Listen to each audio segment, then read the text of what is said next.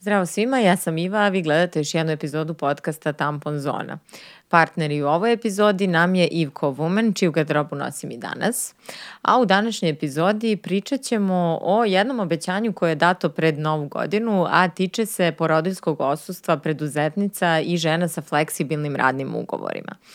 Naime, ukoliko se sećate, još 2017. godine je a, nastala inicijativa Mame su zakon koja se borila za izmenu ovih zakona koji bez razloga diskriminiše žene koje skupe hrabrost da a, osnuju svoje biznise. I uh, sada iščekujemo promene i sa Tatjanom Macurom koja je osnivačica ove inicijative, ali i Mašom Đurić, mojom koleginicom, drugaricom i preduzetnicom. Razgovaramo o tome dokle se stiglo sa ovim pregovorima i na koji su sve način do sada preduzetnice bile diskriminisane.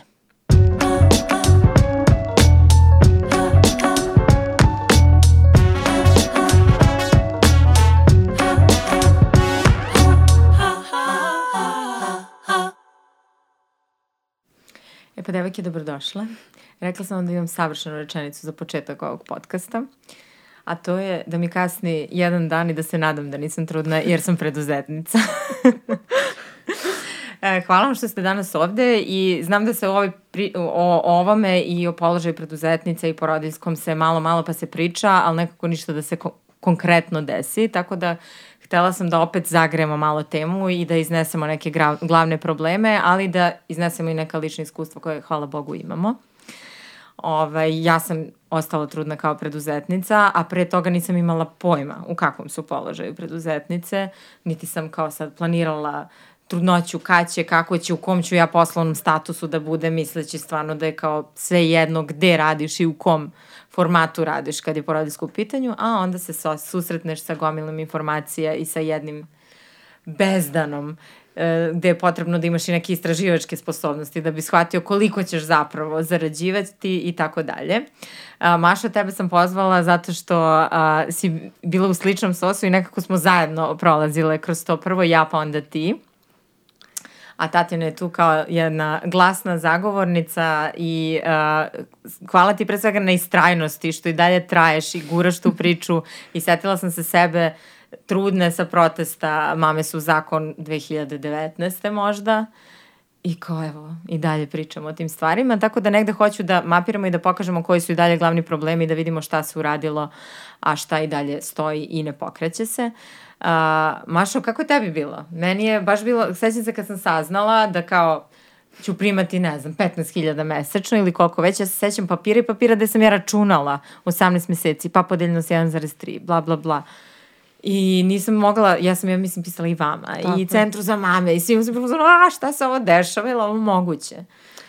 Pa ja sam saznala da ćeš ti primati tako malo para, pošto za one koji ne znaju, radile smo zajedno u to vreme, odnosno ti si tek napustila firmu koju smo zajedno radile i, i izašla si sa tim problemom, ja dobijeću 10.000, kakvih 10.000, gde su sve te godine rada, koje smo između ostalog provele zajedno u firmi kad si imala ugovor na radu, pa ne, to se sad briše, sve se to nekako an anulira. Ja sam bila u fazonu, hm, Iva se zeznula, ali ja ću biti pametnija. Ja onda nakon što sam napustila firmu, ja sam rekla, ću sad to odmah da otvorim, tad sam imala recimo 28 godina, da otvorim preduzetničku agenciju, da imam dovoljno tih meseci. Mm -hmm.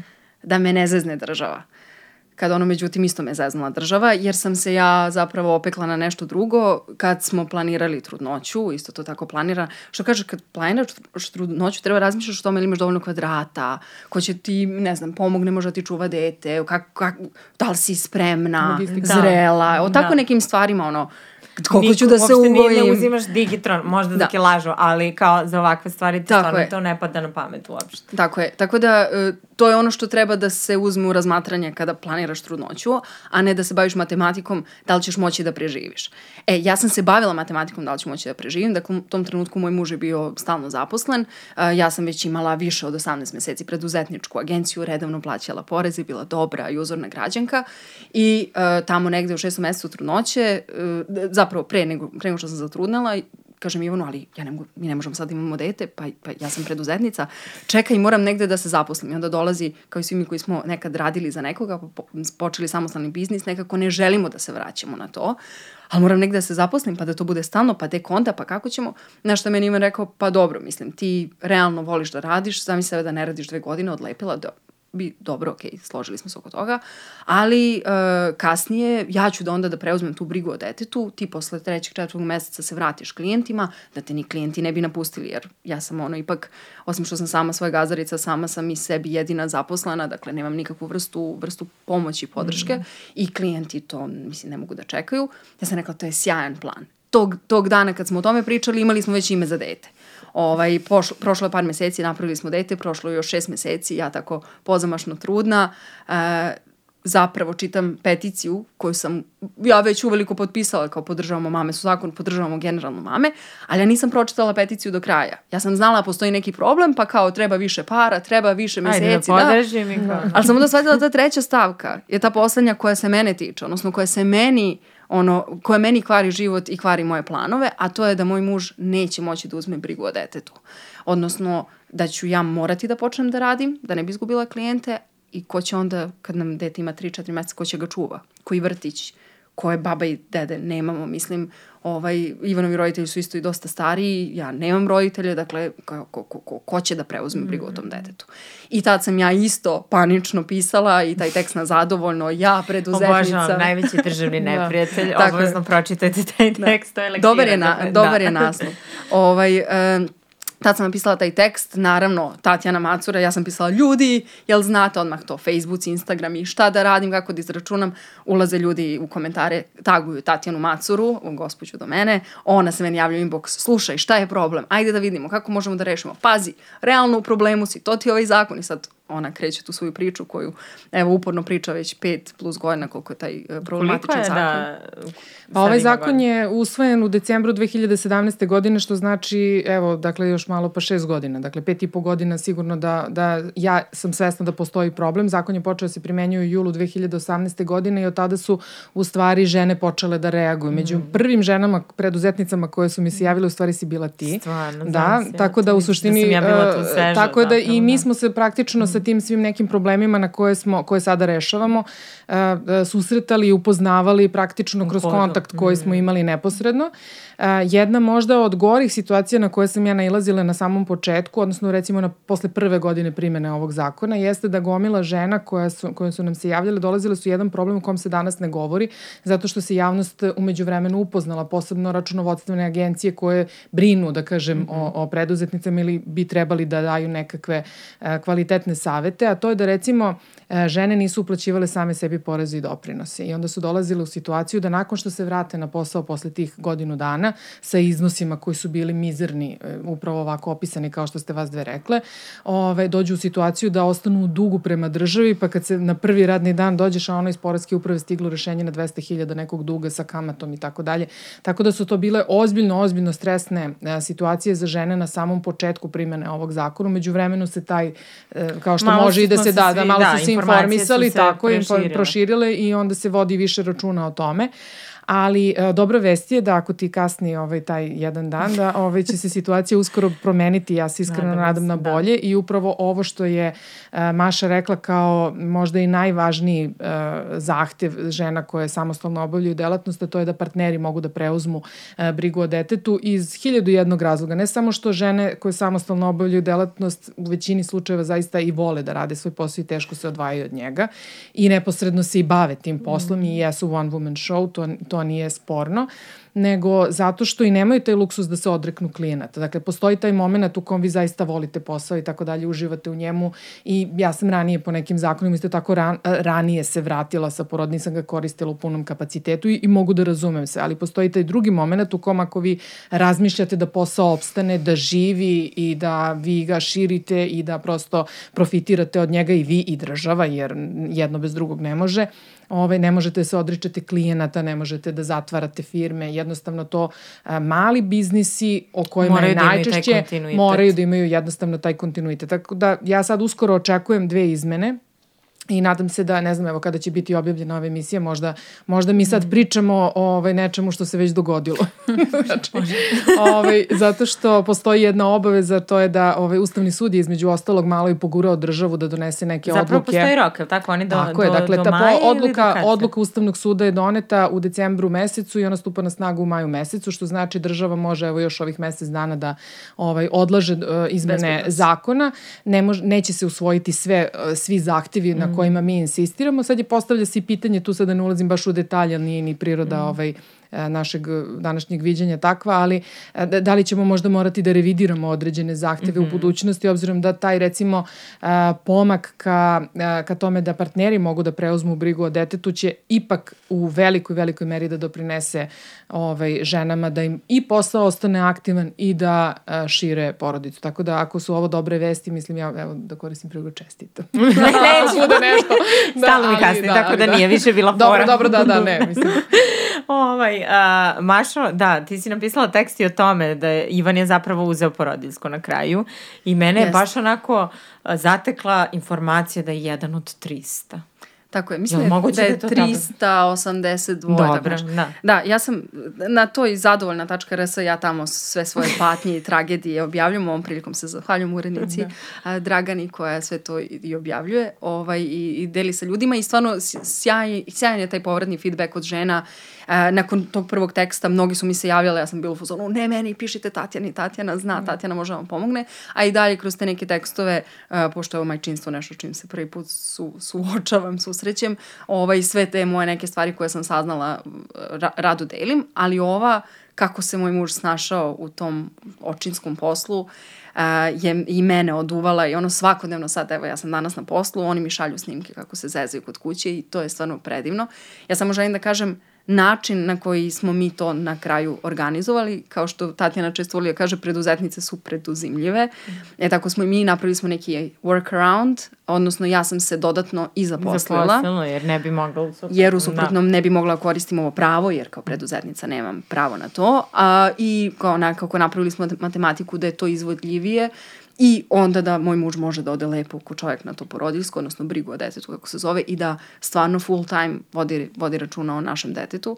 I to je divno. Mislim, ja imam tu sreću da sam veliki period uh, njenih prvih meseci života radila od kuće, što, evo za žene koje još uvek nisu postale majke, a žele, eh, je izvodljivo do nekog šestog, sedmog meseca. E, tamo negde kad krene da vas beba konstatuje da ste u sledećoj u Drugoj sobi i da. pored, da. onda više to nije moguće, pa sam se sad uh, nedavno izmestila iz, iz, ne radim više od kuće. Uh, ali da, uh, moj muž je preuzeo brigu o detetu i to je predivno. Mislim, pogotovo ako niste, što ja kažem, ono mother's material, odnosno ja nekako nisam bila ta žena, želim decu, imaću sto, sto neke dece, baš volim da ih nunam, sve, sve mi je to nekako... Um, žela sam da postane majka, ali sa, da, to je da rodim dete, ali tom čoveku nije mi to bilo, da. tako je. I, ovaj, I onda tu gde je on uskočio i preuzeo i ta veza koju su oni napravili je predivna, oni su onako ceo jedan dream team. Uh, i drago mi je da, da je imao tu mogućnost. Ali imali smo tu mogućnost jer smo privilegovani, jer smo imali mogućnost da se ja dodatno zaposlim, a većina žena Tako. i ja opet bila radila od kuće jer se bavim digitalnim marketingom, a ne bavim se, nisam frizerka, zubarka ili recimo ovo što sam skoro saznala da advokatice nemaju to pravo, odnosno nemaju pravo da se dodatno zaposle pored svog biznisa koje vode. Da, da. Tako je, tako da su one dodatno u kanalu, za njih ne postoji mm. ono workaround što, što Meni je strašno što kao moramo da preduzimamo te gimnastike da bi došli do nečeg osnovnog. Ja sam imala svaka, jednu, da. ovaj, jednu ekstremnu ideju e, svoje vremena, a to je da ovaj, napravimo a, kampanju o toga kako se žene dovijaju do prevare sistem. Prosto da se da, razumemo, da, dakle, to nije prevara sistema. To nije prevara sistema, u stvari, ajde da, da bude preciznije ovaj, kažem, dakle, kako se žene dovijaju da koriste sve one a, pro, mogućnosti kroz zakon da sebi učine život lagodnijim i boljim. Jednostavno, država, ako je i planirala neku, recimo, štednju ili, ne znam, da, da izbegne zloupotrebe ili kako već vole da prave izgovore na ovu temu, to ne može da izbegne. Jednostavno, mi živimo u takvom okruženju, u državi koja ima, da kažem, niske zarade i uh, pravi je praktično luksus da vi kažete, e, ok, ja ću sada, ne znam, da se odreknem posla određeno vreme ili ću da pristanem na nadoknadu koja je ono, ne, ne možete Nikako. dva puta da u radnju odete sa tom nadoknadom. Tako da država mora da postane jednostavno svesna svega toga i da se ne radi o zloupotrebama, nego da se radi jednostavno o zakonu koji se primenjuje na raz, o zakonima koji mogu da se primenjuju na različite načine. Pa ćete onda imati nekoga ko je, kako Maša voli da kaže, privilegovan, da može da iskoristi tu priliku i imaćete samo grupu ljudi koji možda nisu dovoljno informisani i neće iskoristiti tu priliku jer će dići ruke od svega. Ja sam imala i tu situaciju, dakle, ovaj, da sam u jednoj emisiji čak gostovala sa uh, ženom koja vodi školu za edukaciju, u stvari povezuje studente iz Srbije sa, uh, da kažem, nekim finim univerzitetima po svetu i ona je digla ruke, ona uopšte nije koristila pravo na, na porodiljsko i, jer je uh, uh, shvatila na kraju da uh, sve to, svo to vreme koje će da izgubi na prikupljanje dokumentacije, na uh, pronalaženje načina kako da se organizuje sa detetom, u stvari izgubiti vreme, izgubiti novac, svoje poslovanje dovesti u pitanje, onda je digla ruke i našla je sama svoj neki režim u kom će moći da se snađe. Ali, da kažem, ne. možda i ona mogla da napravi nešto slično, ali eto, jednostavno Ja to sigurno ruke. i sad iz mog iskustva pribavljanja dokumentacije, dakle ja onda kad sam otišla na to uh, porodiljsko, otišla sam kao zaposlena žena koja ima svoju pred, preduzetničku radnju. Dakle, važna stvar je uh, kao još jedan problem, ti kada odeš na to porodijsko trudničko, ako zamrzneš svoju firmu, jer ako je ne zamrzneš, ti moraš i dalje da plaćaš te poreze. Koje je često i veći od, na, od naknade. Da. tako je. E, ja nisam zamrzla. Zašto? Zato što će me opet dočekati, ako ne daj Bože, poželim još jednom da budem, još jednom da budem trudna, opet će me dočekati tih 18 meseci koji će mi uzimati u obzir, to će mi ulaziti u prosek. Ako imam zamrznutu firmu, onda sam u problemu tako. kao što, si, kao što si ti bila. I ja sam išla u ovaj gradski sekretarijat da tražim te neke mizerne naknade, ali bila sam u fazonu, to su moje pare, da. plaćala sam porez, mm. dajte mi moje pare. Uh, vi, vi ne možete da razumete, pritom kao ono, imali smo vezu neku, neki broj telefona koje smo krenuli. Na, nisu znali šta sa mnom. Jer oni se redko sreću sa ženama koje su i zaposlene i dalje imaju aktivnu preduzetničku radnju. Tako da je na kraju bilo, e, ajde idi ti u tvoje poresko, pa nabavi ovaj papir pa nam donesi. Rekao, pa zar vi ne komunicirate, vi gradski sekretarijat i, i poreska uprava Zvezdara, mm E, da, ali nešto ne radi sistem, ne javljaju nam se. I onda ti ideš onako sa, sa detetom od pet meseci, ideš od jedne do druge zgrade, uh, ali to samo govori o tome koliko žene ne praktikuju to, već samo odustanu. I Odustaju meni je često, da. ova tvoja priča, ja znam da si ti posle trudnoće, ti si kad, mm. kad si počela da radiš nešto? Deset, deset meseci? Deset meseci nakon, da, da, da, da rođenje deteta. I onda si zaposlila u, da. zaposlila, zaposlila. Da. Meni je to bio, mislim, izvini što sad kažem, ali meni je to bi, tako mi izgledao košmar. Da. da ja moram, da dete ima deset meseci, da se da, vratim, radiš, da. a ne svom biznisu, mm. nego tamo kod nekog šefa. Da. E, I sad onda te od, udari ceo taj PTSP svi, sve smo yes. nekad preživele neki mobbing na poslu, zavisi samo u kojoj meri. I onda kao ta ideja da se sad ja vraćam negde i da radim negde da sam 8 plus sati zatočena mm. na nekom mestu, daleko od mog deteta, to je hor, to, to mi je bio horor. I bila sam spremna da nemamo nikakve pare, kao da. snaći ćemo se, mm. nešto, nešto, nek familija neku leti, prodaćemo njivu, imam neku njivu, pa ćemo od toga da živimo, ali kao samo ne dolazi u obzir da se ja ponovo zapošljavam, Uh, i kao odaljavam od svog deteta, a cijela poenta... A jeste, vidiš da sam se ja na kraju ipak vratila, ono, kao daljila sam se od preduzetničke radnje i svog biznisa. And here da. I am. I sad si povratnica. Da. Sad ponovo u ovom trenutku. Neću, bre, ponovo zezala sam se ljudi. To je, bilo, to je bila samo vrtira. Uh, ovaj, Tatjana, šta me, mene zanima kako uopšte došlo da se na tako strašnom načinu kao diskriminišu preduzetnice. Kad su donosili taj zakon, jer su ga oni doneli da bi kao izbegli te prevare. Je li to bio tako kao je. motiv ili šta? A, dakle, da, da ne bismo samo pričali o preduzetnicama, da. pošto ovaj zakon više struko diskriminiše mm. i mnogi drugi grupe žena. I žene na privremenim ugovorima. Dakle, u istoj da. grupi su nekako da. u istoj, da kažem, u istom sosu se nalazi i žene koje su na tim, mi ih zovemo fleksibilnim ugovorima, ali tako nekako lakše komuniciramo mm. sa javnošću. U stvari najveći broj žena čine žene koje su na, zapo, angažovane na privremenim i povremenim poslovima. Uh, A, u suštini nije država želela da se obračuna ni sa preduzetnicama, ni sa ženama na fleksibilnim ugovorima, nego je država želela, i to stoji jasno u obrazloženju ko je, ko je da kažem, vičan čitanju tih dokumenta dosadnih zakonskih Prevedi nam, i tako dalje. Dakle, postojala jedna polazna osnova kojom su oni došli do toga da se, ne znam, poveća broj meseci sa nekadašnjih 12 meseci koji su ulazili u obračun nadoknade na 18 meseci. Zato što To je tačno da je postojale su žene koje su pokušavale da fiktivno se zaposle na nekim mestima, plaćajući određenu količinu novca na ime poreza i doprinosa, da bi uh, kasnije primale veće nadoknade. Međutim, to nije značilo da su to radile sve žene, a oni su nekako polazili od toga da sve one žene koje se u stvari nisu vratile nakon porodinskog odsustva na posao, su u stvari potencijalno bile te koje su prevarile sistem. Potpuno eliminišući sledeću situaciju, a to je da postoje one žene koje nisu imale posao na koji da se vrate. Jer im je, je poslodavac u to vreme vrlo lako pronalazio izgovore kako da ostanu bez posla ili da ih svesno i namerno degradira na neka niža radna mesta, slabije plaćene i tak, praktično ih prinudno natera da u stvari uh, daju otkaze na tim poslovima.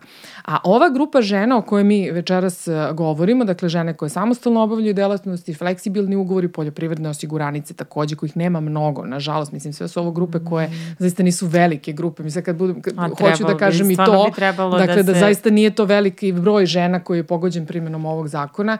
Ovaj, a, one su bile, kako da kažem, kolateralna šteta u svemu tome, zato što je postao u jedno vreme, u to vreme u stvari, a, jedan, a, da kažem, a, aktivistički, da kažem, zahtev jedne grupe udruženja na tom i insistirali su na tome da se posebno prepoznaju žene koje su na, na samostalno mhm. obavljaju delatnost fleksibilnim ugovorima ili poljoprivredne osiguranice.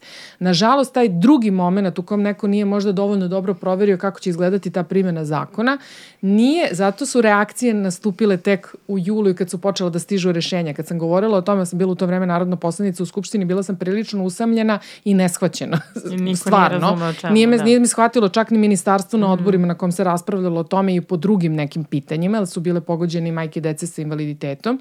U, po, takođe i, mm. i ovaj zakon i to ovaj tretirao i uh, uh, jednostavno su one postale iz najbolje nečije namere uh, u stvari uh, problematična kategorija kasnije i u toj atmosferi u kojoj recimo su se, evo to moramo pomenuti, dakle postoje neke dobre strane tog zakona, recimo povećane su neke nadoknade koje se odnose na žene koje rađaju svoje treće ili četvrto dete i to zna, značajno su povećane tako da sad one te nadoknade primaju u periodu od 10 godina, što mislim ne možemo da zanemarimo, kažemo nije da. podrška, da, da, da. zaista je to značajna podrška. I u toj atmosferi u kojoj imate te, da kažem, nadoknade koje se pompezno najavljaju za treće i četvrto dete, prepoznaju se po prvi put neke kategorije žena koje prethodnim zakonom nisu prepoznate, bilo je teško jednostavno da ja Sad. jedna, ali stvarno jedna objasnim da, da ove, će postojati problem sa primjenom. A zašto sam to znala, mislim, nis, nisam ja ni vidovita, niti imam neke specijalne moći u odnosu na druge, ja sam takođe preduzetnica i, i moj kolektiv je ženski kolektiv i gomilu papira sa kojima se možda drugi kolege narodni poslanici u tom periodu nisu susretali, ja sam se zbog prirode svog posla sretala i mogla sam da predvidim da će se, aha, kada u obraču nadoknade tamo uđe, ne znam, ovako, onako, nije radila tri meseca, pa nema u kontinuitetu, to će da izgleda na kraju 100 dinara ili 500 dinara ili kako smo već imali prilike da gledamo ta rešenja kako izgledaju i da, pošto su neke jednokratne nadoknade bile suviše niske, neće moći da se napravi taj, da kažem, a, ekonomska motivacija praktično da žene a, koje žele decu i zaista imaju decu. Zato što, mm. dakle, naše iskustvo kaže da one žene koje rađaju svoje prvo ili drugo dete, presudni su ekonomski razlozi. Kasnije dolaze neki drugi logističke prirode, ali u prvom tom momentu su nekako ti uh, ekonomski razlozi presudni za odluku da se rodi dete. Taj ekonomski razlog ne mora nužno da znači da li imam ja dovoljno para, da li imam krov nad glavom, to je takođe dovoljno ekonomski, kvadrata. da li imam dovoljno kvadrata, da li živim u nekoj zajednici ili ne živim u nekoj zajednici. To su sve razlozi zbog kojih, da kažem, žene odlažu odluku iako žele da imaju mm. decu, odlažu je zato što žele ipak neku ekonomsku sigurnost i stabilnost. Umeđu vremenu su se neke desile izmene zakona koje, da kažem, vode ka poboljšanju tog položaja, neke evo sad očekujemo, kao što rekoh malo pre, Ovaj, ali, mislim, uvek može i treba da bude bolje i jednostavno, ovaj, a gde god postoji prilika da se ovaj, u zemlju koja je stopa fertiliteta 1,48 utiče na to da se ta stopa fertiliteta i poveća de facto, na tome pa, treba raditi. Pa, stalo se priča o tim kampanjama, nikako da se preduzmu neke stvari koje bi stvarno unapredile to i radile na tome. Meni je jako bila nebulozna situacija ne mogu da verujem da je neko doneo taj zakon da, da je tako površno razmišljao. Ti imaš situaciju gde, na primer, ako preduzetnica ima radnju i ima mhm. neku zaposlenu, ta njena zaposlena Tako je, to je Ima porodilsko koje ima kao... pravo, a ti nemaš. Da, je, to je jednostavan si... primjer, recimo žena koja drži frizersku radnju ima zaposlenu drugu frizerku, ta njena frizerka koja je zaposlena tu i mislim radi normalno i prima neku zaradu, ovaj, ona ima veća prava kao zaposlena po zakonu o radu nego što žena koja samostalno obavlja delatnost ima prava po recimo zakonu o privrednim društvima mm. ili zakonu o finansijskoj podršci porodice decom. Jednostavno nisu Mislim, u ravnopravnom... Da imaju, ali sistem ih jednostavno ne vidi kao zaposlene na isti način. Dakle, u stvari preduzetnicu najpreciznije vidi kao nezaposlenu i nalazi neki način, dakle čak i nadoknade koje preduzetnice dobije, ne znam koliko ste se time bavili, ne zovu se nadoknada za porodinsko odsustvo ne, i nego nego deteta. Za, kako beše? Za, za, to su za ostale, ostale na, znači to, da, to su ost. ostale naknade. To nisu čak ni imenovane naknade na ime ovaj dakle da. nemaju čak ni ta, da kažem neku finu fini izraz Jeste, da, se, da su da su nam dodelili onako nego neki... tako je. Tako da su to neke ostale naknade i onda su ovaj kao ajde kao da im nađemo neki način kako mogu ipak da ostvare pa, ovaj Ali tu je nekako najveći problem zato što država je sve vreme u fazonu želimo osnažujemo žensko preduzetništvo. Evo sad ima neka kampanja, da. vidim ono, državna isto kao super, bravo žene preduzetnice, a istovremeno ne vide da te žene preduzetnice isto treba da se ostvare kao majke ukoliko te, to žele. Nego to se nekako ne spaja. Onda imaš ono pro, ministar iz prethodne vlade uh, koji je volio da govori kako za brigu porodice, da, da. kako se zvao ovaj gospodin. Volio da govori, zamislite, žene rađuju tek posle 30. kako je to strašno. Pa naravno rađam posle 30. mislim kada do sad nisam ja imala dovoljno narad, novca. Naradim tih 18 meseci. Ovaj, da, da, da mogu na tako nešto da, da, da se usudim. A te instant pomoći, mislim, mi smo za prvo dete rođeno u januaru prošle godine dobili 300.000 dinara i tebi znači tih 300.000 dinara, ali ne da opremaš ono dečiji kutak, to sve naravno pozajmiš, dobiješ mm od, od rodbine, nego tih, sa tih 300.000 pokriješ ovaj manjak koji si napravio koji jer nisi si, pa radio, da, da, jer ti da, da. država nije pružila adekvatnu da. podršku. A, tako da te, te parice koje je to na 10 godina i tako dalje, to je super, thumbs up, ali kao mi jedino tražimo da možemo da radimo i da onda kada odlučimo da se porodimo, Da, da tu država da, pokaže ozbiljnu fleksibilnost i ozbiljno razumevanje. Prvo zato što država je na ozbiljnom gubitku ukoliko ne pomogne ženi koja samostalno obavlja delatnost. Prvo, ne, mislim, da neko ko donosi takve odluke morao bi da razmišlja da ta žena ima potencijal da zaposli nekoga drugog, znači smanjuje za, nezaposlenost u samoj državi, da će uplaćivati neke poreze i doprinose, da će od onoga što e, zaradi platiti verovatno i porez na dobit i da će trošeći pare koje će da zarađuje, naravno da plaća neki PDV i sve su to sredstva koje ulaze ulaze u budžet da bi ta silna javna uprava koja treba da donosi odluke o našim Baš životima tako, ne. mogla da funkcioniše. I to je sasvim okej, okay. dakle nije, nije da sad nešto mi, da ne treba da postoji javna uprava mm. uopšte, pa ne, ne znam da ne svati neko kao takvu kampanju. Naprotiv, treba, ali e, recimo čak i neke, evo mi, mi smo ovaj, skoro analizirali, bavili se analizom tih, da kažem, kako izgleda EU praksa, koja opet istini za volju nije baš ni najsjajnija, opet Srbija tu ima neke svoje prednosti Jeste, uz sve da, ove mane sam, o kojima govorimo, ali recimo jedan od najrigidnijih sistema koje sam ja analizirala u poslednje vreme jeste Belgija.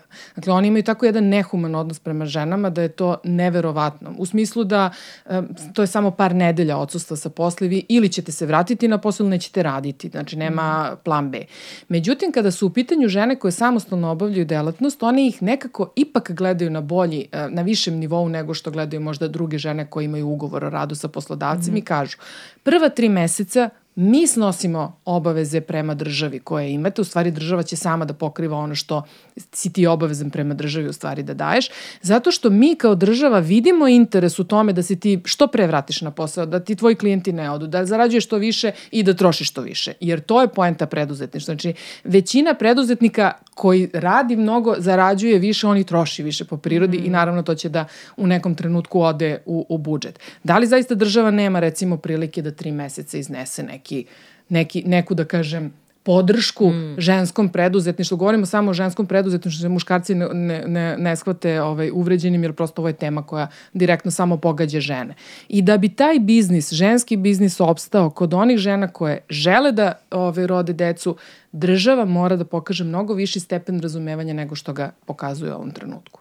Uh, ona, ako govorimo o nekoj dobroj stvari u svemu ovome, jeste što sam primetila da su se preduzetnice udružile mm -hmm. i vidim da i digitalna zajednica i da puno žena je tu bilo aktivno. Koliko ste tu videla neku vrstu povezivanja, umrežavanja i neke vrste ženske solidarnosti? Pa, Koliko smo... je značilo to? Mislim, meni je mnogo značilo da saznam da ima još neko, jer sam mislila sam da. sama u tome, da sam ja neki hibridni slučaj koji ima malo autorskog ugovora, malo preduzetništva, malo ovo, malo ono, kao što da radim.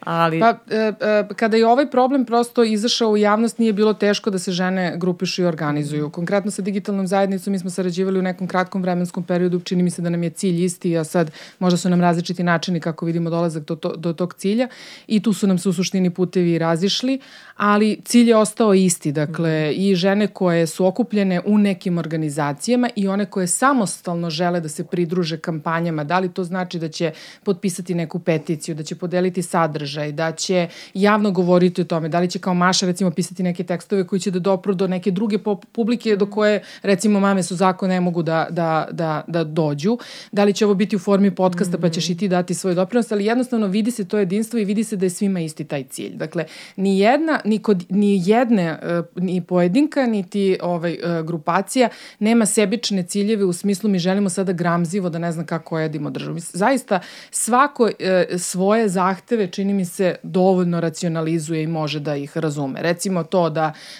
nije zahtev prevelik ako kažemo ok, pusti me samo da moj partner može da preuzme brigu o detetu da ja da nastavim da radim. To, to nije neracionalan, nije nerazuman zahtev, nije gramziv, nije bahat. nema baš toliko muškaraca koji su oni to da urade, tako da država to ćete stvarno neće Tako mnogo koštati. Ali o, hoću, druga stvar, da, i to je isto jedan od važnih podataka. Hajde da vidimo stvarno o kom broju žena mi u stvari govorimo. Za, za, za koliko se mi to žena borimo. To sam htjela da te pitam, jel da. imaš neki podatak? Pa imamo jedan podatak. Dakle, da, za, da. za preduzetnice konkretno, na mm -hmm. preduzetnice konkretno i na žene koje su na fleksibilnim ugovorima, žene koje su poljoprivredne osiguranice i žene koje se bave umetnošću, pa su u da, nekim da, umetnice su. samostalne. Dakle, na njih se sve primenjuje jedna uh, određena grupa odredbi zakona o finansijskoj podršci porodici sa decom i a, kada smo tražili informaciju od bivšeg ministra za brigu o porodici i demografiju koliko je, koliko se, za koliko žena se izdvajaju nadoknade, ukupno je 5000 žena. Mm -hmm. Znači, ukupno od recimo nekih 62.000 žena otprilike koliko se godišnje porodi u Srbiji,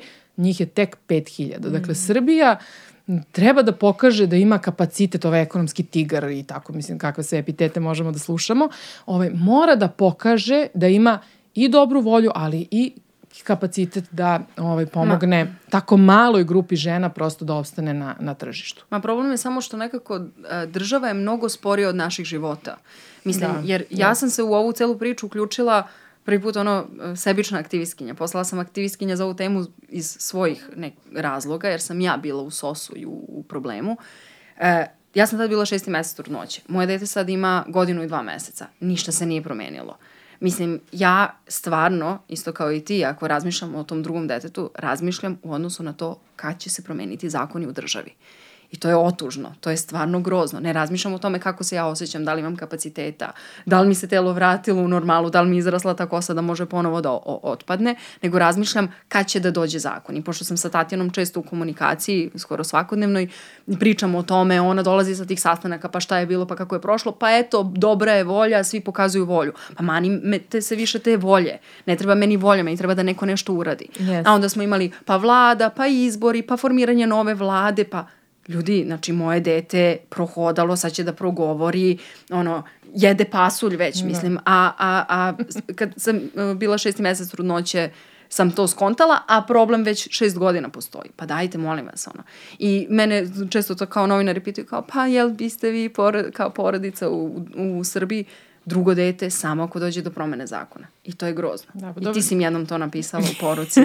ovaj, za trudneću samo ako pa, se zakon da, promeni. zato što, mislim... Pa u ovom delu, dakle, da kažem, stvarno mm. jeste dobra vez da će se sada, eto, malo zbog uh, pritiska Ustavnog suda, malo zbog pritiska javnosti i da kažem našeg angažmana, menjaju se, menjaće se zakon u tom delu koji se odnosi na to da može da, partner da preuzme. Da, šta je sad? Bila je ona velika da. neka... Pa bila je velika i pompezna da. najava i za koje je ostalo nejasno da li će se uh, to što su oni najavili prihvatiti u celosti ili će ići korak po korak. I mislim da je taj deo e, sa njihove strane ostao nedorečen, ali mi sad iz ovih aktivnosti shvatamo da će to ići korak po korak. Dakle, e, postoji problem sa ženama koje održavaju trudnoću, dakle o njima nismo, govor, nismo govorili, da, dakle postoji potencijalna trudnič, opasnost da kaže da. ginekolog, znate vi morate vašu trudnoću da odležite. Onda vas niko ne pita da li vam je biznis, šta su prioriteti, zna se šta su prioriteti.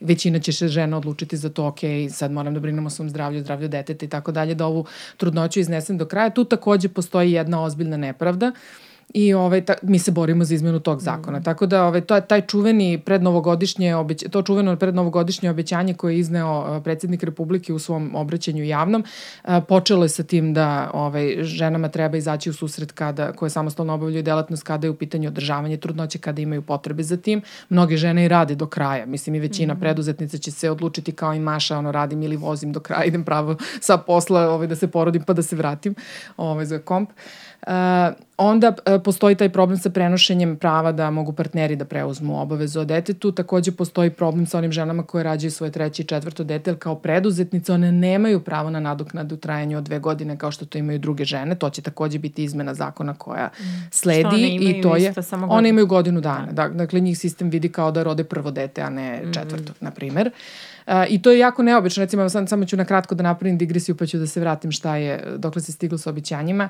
Ovaj, a, dakle, neobično je zato što ovaj, te žene recimo koje rađaju četvrto dete, njima nije jasno da su možda svoje prvo i drugo dete rodile po prethodnim zakonima u kojima nisu imali ove probleme i da. onda su sad šokirani apsolutno. I kao, ok, sve mi je da. bilo super, ja sam tamo, mislim, imala sva prava i sve to, mislim, kako sad se došli do ovoga. Tako da su one u dodatnom problemu jer nije samo neznanje, nego prosto misle kao to je ok, to mislim, ne može niko da mi degradira ta prava, mm. u praksi se desi da ipak može. Onda plaćanje ovih poreza i doprinosa, kod, mi smo imamo da kažem jedan onako megalomanski zahteva, to je da se svih 12 meseci prihvati plaćanje poreza i doprinosa, što inače nije praksa u državama Evropske unije i tu da kažem moramo i mi negde da napravimo neki kompromis u da. tim zahtevima, da vidimo da li ćemo ovaj, insistirati na tome da bude 12 meseci ili ćemo malo da racionalizujemo taj zahtev. I da li sam nešto zaboravila? Možda... Mislim nisi. Mislim da nisam, ali to je to. U suštini ovo što je glavno vezano za to da partneri preuzimaju, to će biti sada izmenjeno, a mi svakako, evo i sama si rekla da uporni smo u tome, pet i po mm. godina smo vrlo aktivni ove, što se tiče e, traženja rešenja za izmene ovih zakona, tako da ćemo mi nastaviti dalje da insistiramo i da možda, da kažem, naše zahteve prilagođavamo nekoj situaciji koja će biti e, u budućnosti ko, koja sledi na, na osnovu tih ovaj, izmena zakona. E, koliko mislite da ova situacija uopšte utiče na žene da se bave preduzetništvom uopšte? Mislim, meni je jako strašna ta situacija zato što preduzetnice stvarno su hrabre žene koje požele da uzmu stvar u svoje ruke i da kao rade svoj biznis, da ulažu u nešto svoje, da grade neku svoju nezavisnu priču, mislim za to je potrebno, ne bi da nas hvalim, ali stvarno puno i hrabrosti yes. i nekih odricanja i svačega. Izlazak iz zone komfora. Da, pravo i umesto da budeš nagrađen za tako, nekak, za tako neki postupak, ti bivaš potpuno skrajnut i nevidljiv. Ja, ja kad sam bila mala, mama me učila, to je stalno mi govorila, ti proživi, naživi se i tako dalje, pa tek onda rađi decu. Mene mama rodila u 30. godini i ja sam nekako to uvek hvatala kao mantru, moraš da se naživiš jer kad dođe dete staje život. Nažalost, to nije imalo veze toliko sa mnom nego što mene mama rodila 91. kad se sve raspadalo u ovoj zemlji. E, mislim da za nas važi ono, postavi firmu, napravi novac, nek se to sve zavrti da možeš sebi da rodiš dete. A, ili a, ono, rodi dete pa se tek onda bavi preduzetništvom, a rodi dete u trenutku dok si zaposlana u nekoj kompaniji gde te verovatno malo mobinguju, pa sad ta trudnoća baš neće ni da ti uspe iz prve, zato što ne možeš u tom stanju, u tom stanju da zatrudniš. Ovaj, tako da naravno da to utiče na to da li ćemo se ohrabriti ili nećemo se ohrabriti. Meni je grozan taj osjećaj stalno kao uh, uvek sad, koliko god da mi je divno i radim posao koji volim, radim sa ljudima koje volim, radim stvari koje mislim da su važne, gde vidim neki napredak, gde mogu sama da upravljam svojim vremenom, iako to radim sad mnogo više nego što sam radila ranije, ali nekako ja, ja, ja to kontrolišem. Ja uvek nekad maštam o tome kako bi bilo lepo da sam negde zaposlena i samo da na trenutak neko ja, drugi da brine samo o ja meni. to imam. ne, ali kao samo kad bih mogla da odem na bolovanje, i da uh, nisam u panici, ja, ja stalno imam to, ja ne smem da se razbolim, ja ne smem da se razbolim. Ja sam trudničko gde sam imala to kao preteći pobačaj, diagnozu, ne smete da se mičete i provela ležeći većinu vremena. Isto sam radila do ono uh, e, 20 dana pred porođaj. Mm -hmm. A ako se ne varam i tebe sam srela na jednom događaju sa pozamašno velikim stomakom da si isto radila. Mm -hmm. Tako da naravno da radimo ono do kraja, mi ne smemo da se opustimo, ne smemo da dozvolimo sebi da nam nešto, ne daj Bože, bude loše ili i to, to je sad isto moje kada razmišljam o drugoj trudnoći, sad kad vidim neke trudne žene, ja se tako raznežim i tako sam stvarno kako je to divno, kako je strava, a onda ide sledeći talas, jao jezivo, zamisli ponovo da mi bude muka pa da povraćam četiri nedelje pa da ne mogu da radim. Kako ćemo i klijenti da reaguju, šta ću da radim? Jer nemam opciju, nemam alternativu. I nekako očekujemo tu od države da nam bude ta ono leđa, neka potpora, da bude tu za nas kada nam je neophodna. Evo, snalazimo se tokom cele godine, tokom celog života, ali hajde, ono, podržite nas tad kad smo najranjivije, kad nam je najteže, kada nam je stvarno potrebna podrška. Inače, ovaj, ne, znam, ne, ne znam koliko ovi, i sad i ovde projevata i ton, dakle, i preduzetnice i preduzetnici mm -hmm. ovaj, od države ne očekuju ništa, nikada. Dakle, mm -hmm. samo što manje da mi se mešaš u posao, pusti me da radim, kaži mi koja su pravila, ja ću da ih poštujem i to nije sporno, ali postoje prosto ovo, dakle, jedan od onih izuzetaka u kojima neko očekuje nešto, ko, ko u privatnom poslu i koji zaista očekuje nešto od države, jer ti ipak zaista si svestan toga da doprinosiš boljitku svoje zemlje. Dakle, u smislu da puniš budžet, da zapošljavaš nekoga, da možeš da nekako privrediš na pravi ovaj način i da nikome nisi na grbači, da nemaš taj osjećaj, a i tu je, znači, tu mora se pokaže, da kažem, osnovno razumevanje da bi i ti biznisi opstali i da bi se ono što je, da kažem, jedan od većih problema u Srbiji o kom se, nažalost, jako malo priča, a to je da nas zaista ima malo i da će nas biti sve manje i da su te, ti svi parametri koji govore o tome koliko u stvari će naš sistem u svakom smislu biti održiv, zaista u mnogome zavisi od toga koliko će se dece rađati da. u budućnosti. Ove, ovaj, tako da ove, ovaj, država zaista mora da pokaže jedan ozbiljan, ozbiljan, ozbiljan ovaj, e, stepen razumevanja za, za privatne biznise. Posebno za ta mikro, mala i srednje preduzeća koji su pod najvećim rizikom da ne opstanu u slučaju bilo kakve krize. A možemo reći da je i trudnoća za biznis kriza. Jeste neka vrsta, da. da. Ali ovo što kažeš, mi smo tu, mi stvaramo, punimo budžet, ali kao pre svega ostajemo u ovoj zemlji. Tako svojim je. izborom. Mm. Meni dalje ljudi ono kao kad te sretnu, aha, kao vi ste i dalje tu, zašto se niste ocelili? Stvarno pripadamo nekako generaciji koja uh, dosta emigrira i ja i dalje i čak i sad, ono, ljude mojih godina koji imaju decu, oni već planiraju nekako beg jer su prošli jednom pa taj preduzetnički kao ne želimo po, po, po ovim zakonima i na ovaj način da živimo ovde. I tako da nije samo to punjenje budžeta, nego stvarno izbor da, da ostanemo u ovoj zemlji. A kao što kažem, država je mnogo sporija od naših života i samo je pitanje trenutka kad ćemo izgubiti strpljenje i ovaj, kupiti tu kartu u jednom smeru. Da. A meni je samo strašno što pre postaje taj zagarantovan kao minimalac, mm -hmm. tako? I kako, sad, strašno mi je to da neke žene stvarno dobiju 2000 dinara na račun. Pa, Jel postoji sad mogućnost da Da se vrati taj, ta neka zagarantovana suma ili kako? Postoji i vraćena je da. upravo inicijativom Mame su zakon, mi smo pisali predlog mm. za ocrnu ustavnosti i a, odlukom Ustavnog suda, dakle negde iz 2021. godine, žene koje imaju ugovor o radu mm -hmm. u mhm. prva tri meseca, dakle tokom porodilskog odsustva, ne mogu da primaju nadoknade koje su manje od republičkog minimalca. Dalje se za ostatak tog perioda, mm -hmm. dakle mhm. period nege deteta, primenjuje ona formula sa 18 meseci i tako dalje i može da se dogodi da neke žene će i u tom periodu primati manje iznose, ali ove koje su zaposlene imaju ugovor o radu, imaju garantovani minimalac. Međutim, žene koje samostalno obavljaju delatnost, poljoprivredne osiguranice i uh, žene na fleksibilnim ugovorima, nažalost, one su sve u toj grupi mm. ostalih naknada za koje ne važe ta uh, pravila koja se odnose na garantovani minimalac. Tako da je to ona poslednja stvar, malo pre sam se nisam setila, ali to je sad. Dakle, garantovani minimalac koji ide u prva tri meseca bebinog života.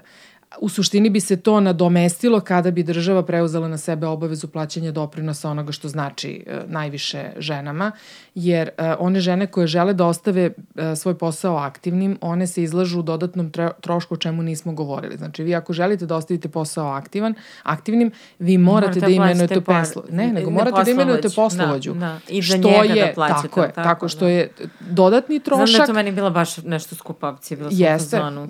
Za, I većina, dakle, postoje neke dve opcije na koje se žene da. odlučuju kada su preduzetnice. Jedna je da zamrznu svoju firmu i onda nemaju te obaveze prema državi.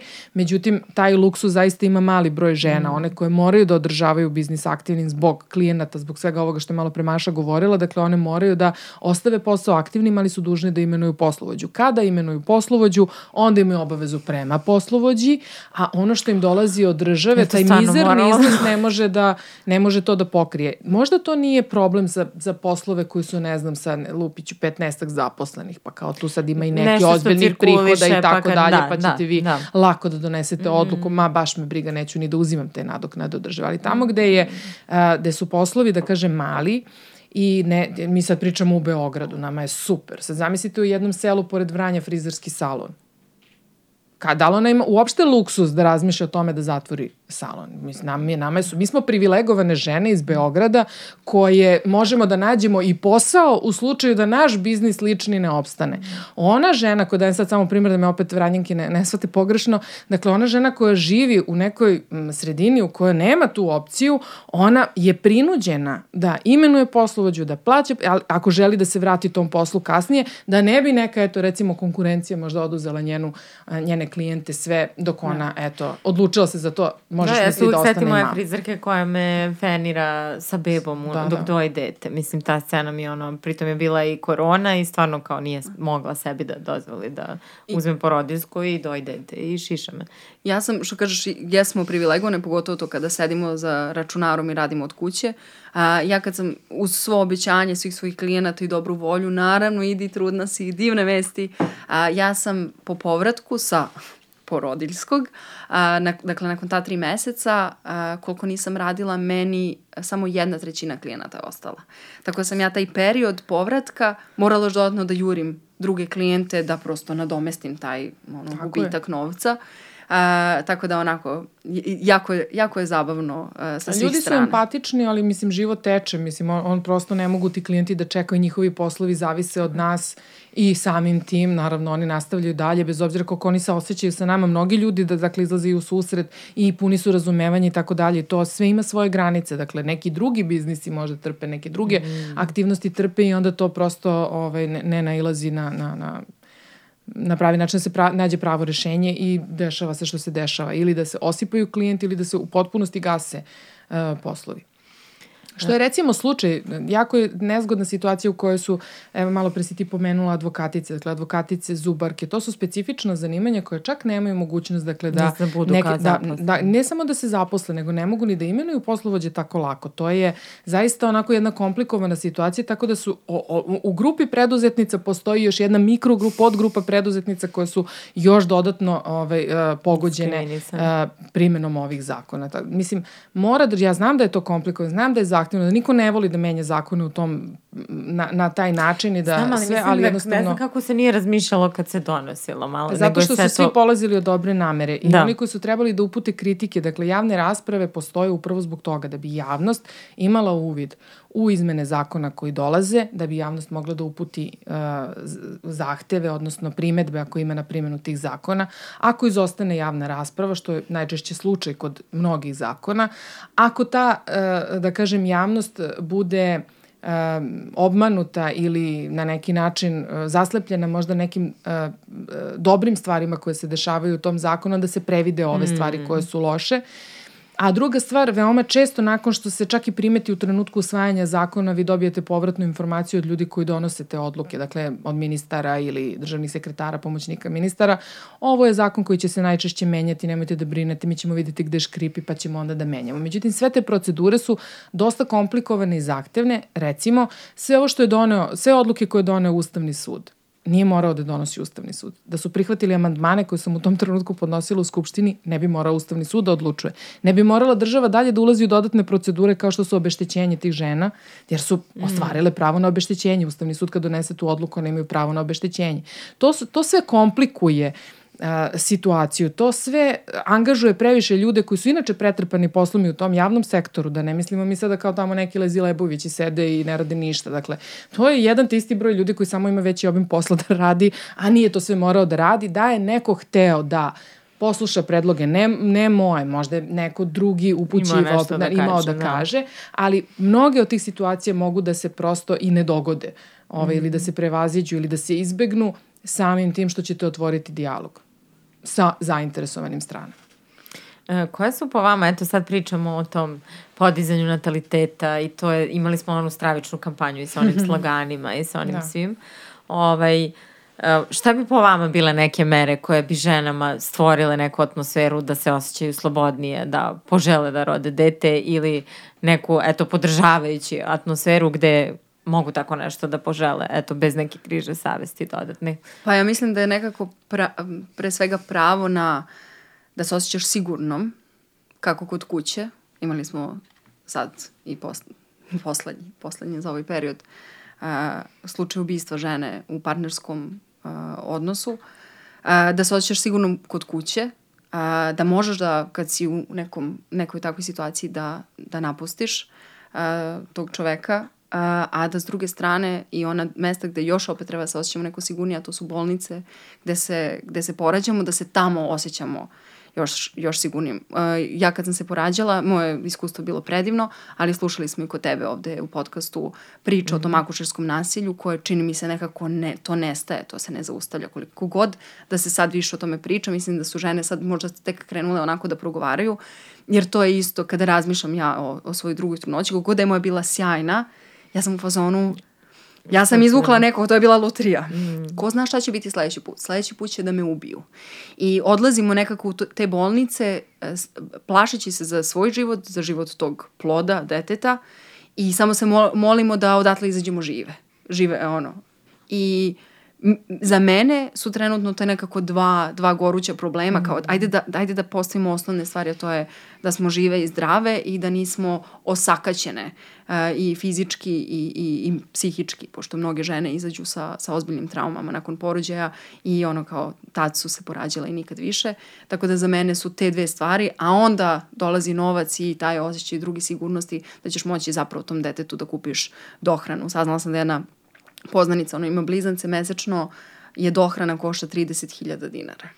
A onda kao sad kad pričamo o dohrani, pričamo i o dojanju, pričamo o tome koliko postoji taj pritisak da mora da se doji, kako se žene tretiraju u porodilištima, kako nemaju nikakvu podršku o tome da nauče da doje sobstvenu decu. E, to su sad sve nekako teme koje mene ovaj, možda mi još više pogađaju od, od ovoga što se tiče na kraju dana para i tog nekog osjećaja sigurnosti, ali opet pričam iz neke pozicije, mogu slovno kažem, privilegovane beograđanke koja ovaj, ima nekako podršku i porodice i tako, snaći ću se, eto. Mm. Ovaj, ali, ali taj, taj moment sigurnosti u porodilištima i za mnoge žene sigurnost u kući mislim da je, da je prva i osnovna stvar.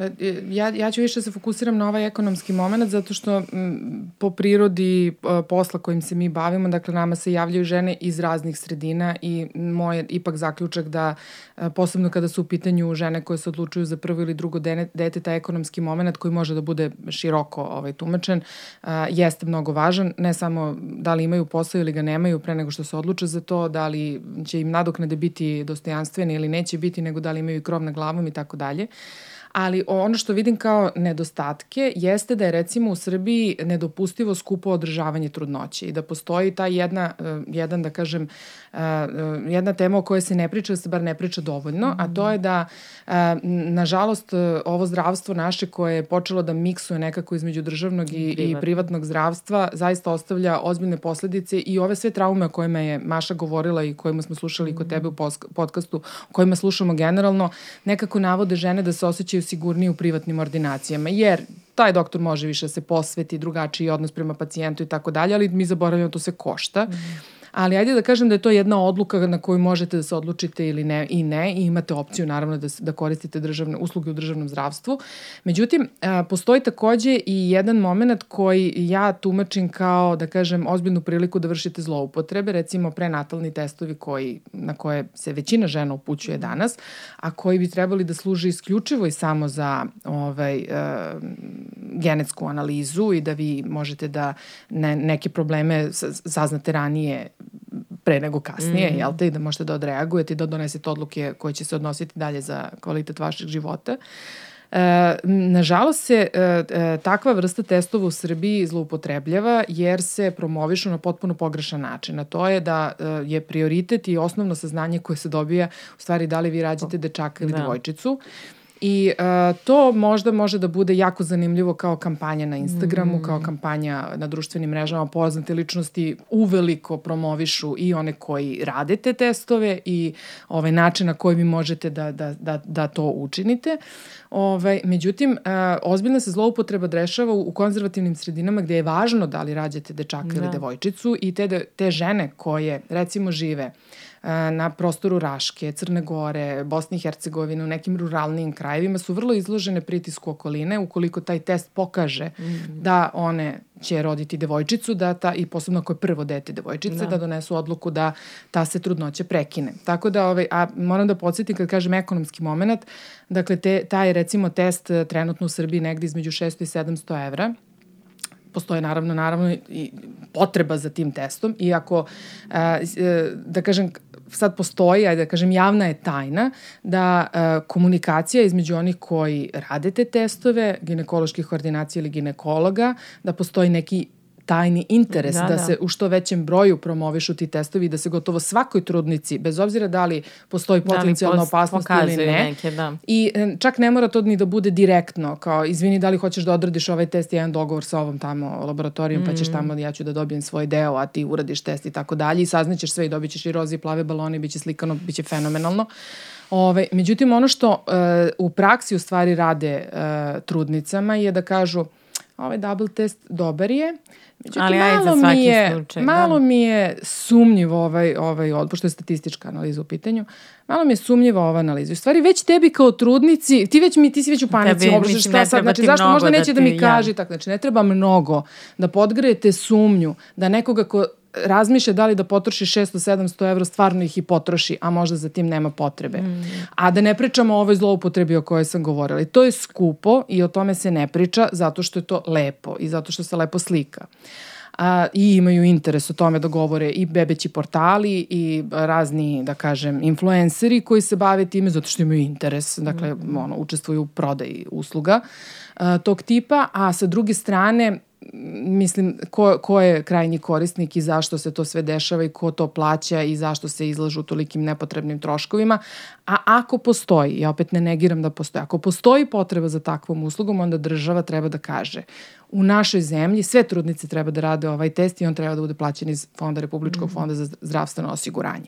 Dakle, to je nešto što bih ja u kom pravcu razmišljala mm. kada su te ekonomske mere. I onda kada se porodi, uh, e, ta logistička podrška koja izostaje u smislu, mi imamo recimo zakone o e, osnovnom obrazovanju koji kažu u kom periodu vi možete da upišete dete u vrtić, koliko ono meseci mora da ima, kada će da krene i de facto situaciju na terenu, a to je da ne može da krene pre septembra, a vi ako ste se porodili u januaru, znači da. Luna ne može da krene u vrtić do septembra, ali ta grupa neće muž biti formirana da da otkaz, tako. Muž da otkaz da, da bi čuvao dete. Znači, to su neke komplikacije. Recimo, jedna od mera koja je bila najavljivana, od koje se, eto, čini mi se, odustalo, a žao mi je što se odustalo, jeste produžetak o, ovaj, uh, o, izostanka sa posla za žene koje imaju ugovor o radu. Mm -hmm. Zašto mislim da je glupo što se odustalo? Zato što žene to svakako rade. Pričali smo malo pre koliko su žene preduzimljive. Znači, žene će naći način kako da komisiji koja treba da donese odluku o tome da li da ostanu duže na da koriste period nege deteta, da ga zaista i koriste. I u proseku negde se radi o produžetku odsustva sa posla od 4 do 5 meseci, znači to se dešava i država ima obavezu da plaća neke nadoknade u tom produžetku. Pa zašto ne doneseš onda zakon pro, daš mogućnost, ne mora žena da koristi to stvarno, ali ima mogućnost da bezbrižno sedi sa svojim detetom kod kuće i kaže dobro, mogu da negujem dete ili muškarac, nebitno, ovaj, sedim sa detetom kod kuće jer znam da će u vrtić da krene tek u septembru. Jako lep tekst je napisala Jovana Štetin, novinarka N1, mm -hmm, na tu temu, je jer je da. ona žena koja radi, rađa drugo dete, oslonila se na najavu države i vraća se na posao sa sad šta mora da radi ili da angažuje nekoga ili da ona koristi bolovanje ili da fiktivno produžava bolovanje, odnosno negu deteta svom detetu koje je objektivno zdravo i nema potrebe da ne ide u vrtić. Tako da eto, ta situacija na propust, terenu... Da je to kao snađi se. Tako mislim. je, a odustalo se zašto? Zato što ovaj, dovoljno je da jedan glas ovaj, nekako stigne koji je negativan u pravcu toga. Mnogo naši političari, nažalost, vode računa o rejtingu i o tome šta će da se piše i priča, nego što su realne potrebe. Ja, evo, odgovorno tvrdim da je ovo jedna od onih, jako smo pozdravili recimo tu meru i žao mi je što se sada kolebaju da li će da je usvoje ili ne, jer ja mogu, evo, ako treba nekome dokaz, ja mogu da pošaljem mailove gomile mailova i gomile poruka žena koje svakodnevno stižu i pitaju da li se usvojila izmena zakona o produžetku bolovanja ili one moraju da traže neku alternativu. Znači, mora država jednostavno da ili izvrši jednu dobru analizu i da kaže, ok, potrebe su nam takve, Ne, ne, ne pravite vi mere da biste impresionirali tri čoveka koji će biti najglasniji u javnosti, nego pravite mere i podršku onim ljudima koji će zaista da koriste to. Naše žene imaju problem sa tim recimo da usklade rad i roditeljstvo u tom delu kada moraju da se oslone na podršku u predškolskim ustanovama, jer bake i deke u većini slučajeva još uvek radili radni vek produže. Znači nije to situacija, ne mogu mere da budu iste kao pre 50 godina jer Zato što život nije isti kao tako. Da. A i znatno su stariji ako imamo tu ili su stari da su ili rade, da, mislim. Da. E, ali taj primer kao kako, kako dobiti tih dodatnih mesec dana, ja znam da smo mi otišli sa Lunom, imala 11 mm -hmm. meseci kao kod naše doktorke privatne, naravno plaćamo, plaćamo i privatno zdravstveno da. osiguranje da. za dete jer nemamo poverenje u državne institucije, veliki pozdrav za ministarku zdravlja i sve njene prethodnike i prethodnice. Otišli smo kod doktorke, doveli deti kao doktorka, je, znate mi kako možemo da dobijemo ovo, ovaj produžetak. U tom trenutku Luna hoda po njenoj ono, kancelariji. Doktorka, Nemoj da hodaš. doktorka koja počne da se smeje, kaže, nema šanse. Jer su sad komisije znatno rigoroznije, onda se ja sad dopisujem s nekim ženama ili kačem to po Instagramu, a meni žene šalju, e, slušaj, čula sam da moja prijateljica uradila sledeće, oboješ joj veće ili manje patike. Staviš joj kamenčiće u obuću daš joj lek protiv mučnine da, da tamo zaspe. malo i, ili je noć pred pa kao da deluje malo da, da. šantavo ili je noć pred držiš budnom pred komisiju pa je odvedeš da tamo konstantno plače da pokaže kako je vezana za tebe pritom ona apsolutno mislim ono ako smo zajedno u prostoriji ona je već na drugom kraju nije vezana za mene pritom bismo verovatno morali da dokazujemo da je vezana za oca što je tek da, da. problem i mi smo samo tako digli ruke od toga i rekli kao ok šta god nema nema leba tako da ti e, to jeste nešto što a neophodan ti je taj minimum taj još jedan mesec, a kamoli sad u ovom slučaju januar, septembar, mesto da, u da, vrtiću da, i tako dalje. Ali da ne bude sve negativno, baš smo sad zamračili, prvo sam ga Da, ja. sad nam treba neki da, svetli zaključak. Ovaj, ali stvarno divna je stvar. Znam veliki broj žena, i moja mama je bila samohrana majka, ono ja sam, često volim da kažem skoro pa ponosno, ono ja sam dete, ono one night stand dete. Uh, i zatrudnala je u 30. godini, odlučila me rodi da ima dete ona sama i to mi je uvijek bilo i tužno, ali nekako i lepo i ohrabrujuće.